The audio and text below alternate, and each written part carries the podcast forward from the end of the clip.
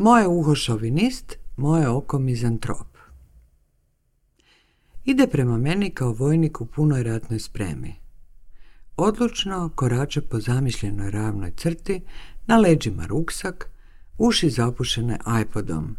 Sa sunčanim naočalama na nosu odbija svaku mogućnost nagodbe pogledima. Vlastito tijelo koristi kao nevidljivu ralicu, čisti prostor ispred sebe kao snijeg i ja se pokorno sklanjam u stranu. Ljudi u javnom prostoru sve češće postavljaju svoja tijela kao ralice. Ja sam ta koja se uvijek sklanja u stranu. Dok čekam u redu u samousluzi, u moje uho zabada se poput iznenadne boli, glasno napjevavanje mujezina. Okrećem se i vidim mladu ženicu u dugoj džins suknji. Na nogama japanke ukrašene svjetlucavim plastičnim ukrasima, na glavi hijab. Ženica vadi iz torbice mobilni telefon i nešto pedlja po njemu. Možda je mobilni upozorava da je vrijeme za molitvu, pomišljam pomireno. I moje uho se smiruje, a onda ga ponovo potrese zvuk. Mlada kineskinja u redu kriješti nešto na kineskome na mobilni telefon. Glasove mladih kineskinja i glasove mladih marokanaca povezuje ista predornost, mislim. A onda sa stidom briše misao. Kunem se. Nisam ja u pitanju, nego moje uho. Formiralo se u sredini gdje visoki C nikada nije bio na cijeni. Moje uho je šovinist. Na ulicama primjećujem da biciklisti sve češće pjevaju. Okreću pedale i puštaju glas – to mi je nova stvar, egzibicioniranje opuštenosti, javno osvajanje personalne slobode u javnom prostoru. Moje uho je nervozno, neadaptirano i diskriminativno. Moje uho je ogavni kontrol freak. Dok u kafeu s pogledom na jezero čekam na kavu, moj pogled zapinje o mladi par za susjednim stolom.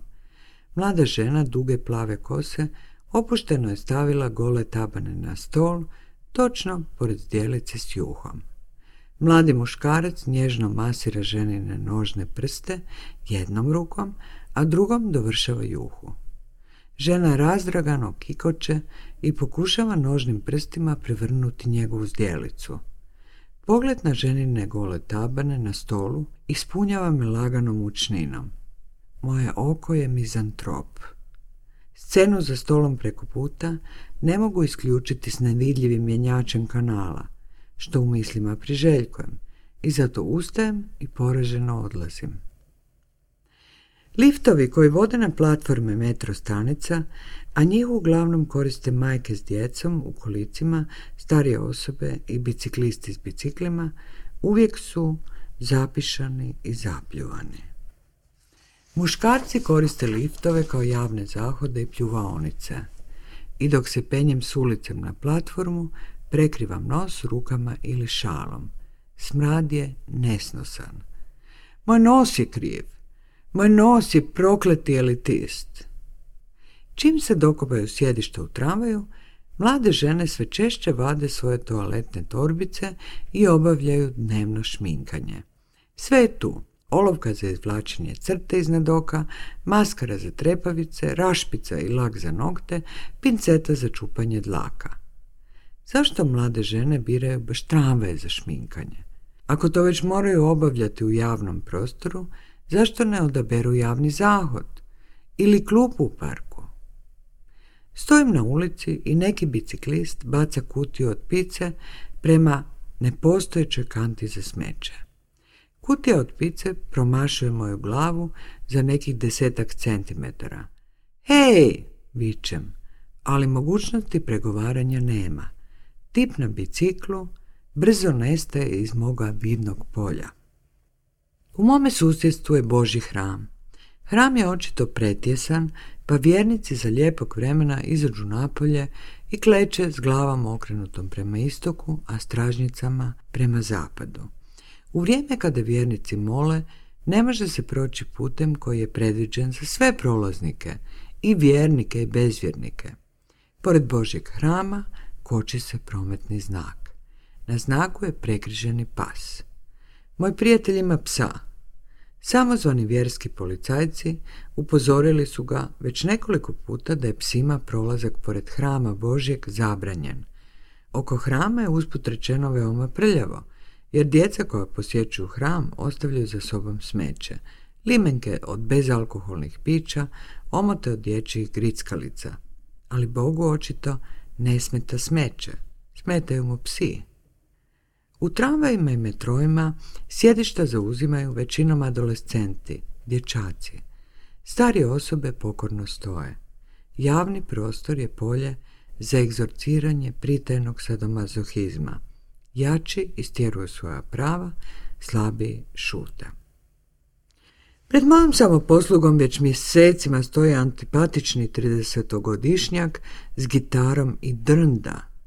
Tip je totalno bez sluha, gitaru očito ne zna svirati, on naprosto drnda. Drndanjem upozorava na svoju prisutnost i traži od prolaznika da uboce novčić u njegov šešir. Neki stanari u stambenim zgradama zabavljaju se bacanjem hrane s prozora na ulicu. Tako hrane ptice. Ptice, uglavnom galebovi i golubovi, u letu ispuštaju izmetna prozorska stakla. Ono što ne pojedu ptice dovršavaju štakori. Štakori noću slobodno lunjaju javnim prostorom. Borci za prava životinja likuju. U New Yorku ulazim u taksi. Taksist je musliman koji vozeći taksi obavlja svoju molitvu. Drži u ruci malenu vjersku knjižicu i mantra svoje. Povremeno prekida molitvu kada treba zakočiti ili obratiti pažnju na semafor. Jednolično mantranje para moje bezvjerničko uho, ali pristojno podnosim situaciju u kojoj sam se obrela. Na izlasku iz taksija dajem taksistu krupnu novčanicu jer nemam sitno. Koliko ćeš mi dati napojnice, pita. Zamjećujem kako se boja njegova glasa nagro promijenila. Ono pokorno vjersko meketanje, maločas, bilo je upućeno Bogu, a ovaj prijeteći ton meni. Novčanica je već u njegovoj ruci, nema mogućnosti za pregovaranje, mogao bi pritisnuti gas i uzeti sav novac. Zato pristajem na veliku napojnicu da bih izvukla ostatak. Javni prostor koji podrazumijeva pisana i prešutna pravila ponašanja danas služi za egzibicioniranje osobne slobode. Starinska pravila bontona više ne vrijede. Table s natpisima zabranjeno pljuvanje po podu, koje su zbog svog absurdnog sadržaja nasmijavale prisutne, odavno su iščezle. U rezultatu danas mnogi pljuju po podu, markiraju prostor svojom pljuvačkom, svojom okrećom, svojim tijelima, svojim glasovima. Nitko više ne želi ostati nezamječen. Svatko se bori za svoja osobna prava, malo tko poštuje tuđa. Zamjećujem da sve manje izlazim van. Na vrata sam postavila tri brave. Na prozore navlačim zavise. Moj stan se polako pretvara u gerilsko gnjezdo. Zamjećujem i to da ne ljubim više bližnjega svoga. Ljubiti bližnjega svoga zahtjeva nadljudski napor. To je ljubav bez reciprociteta, a ja sam samo običan i slab primjerak ljudske vrste. Bog je uostalom zadužen za taj resor, razmišljam, on je stvorio čovjeka na vlastitu sliku i priliku. Neka ga oni voli. Nedavno me neki bloger optužio da se u svojim esejima služim tehnikom pretirivanja. Moje pretirivanje, ako se o tome uopće radi, samo je drugi oblik zabrinutosti za budućnost.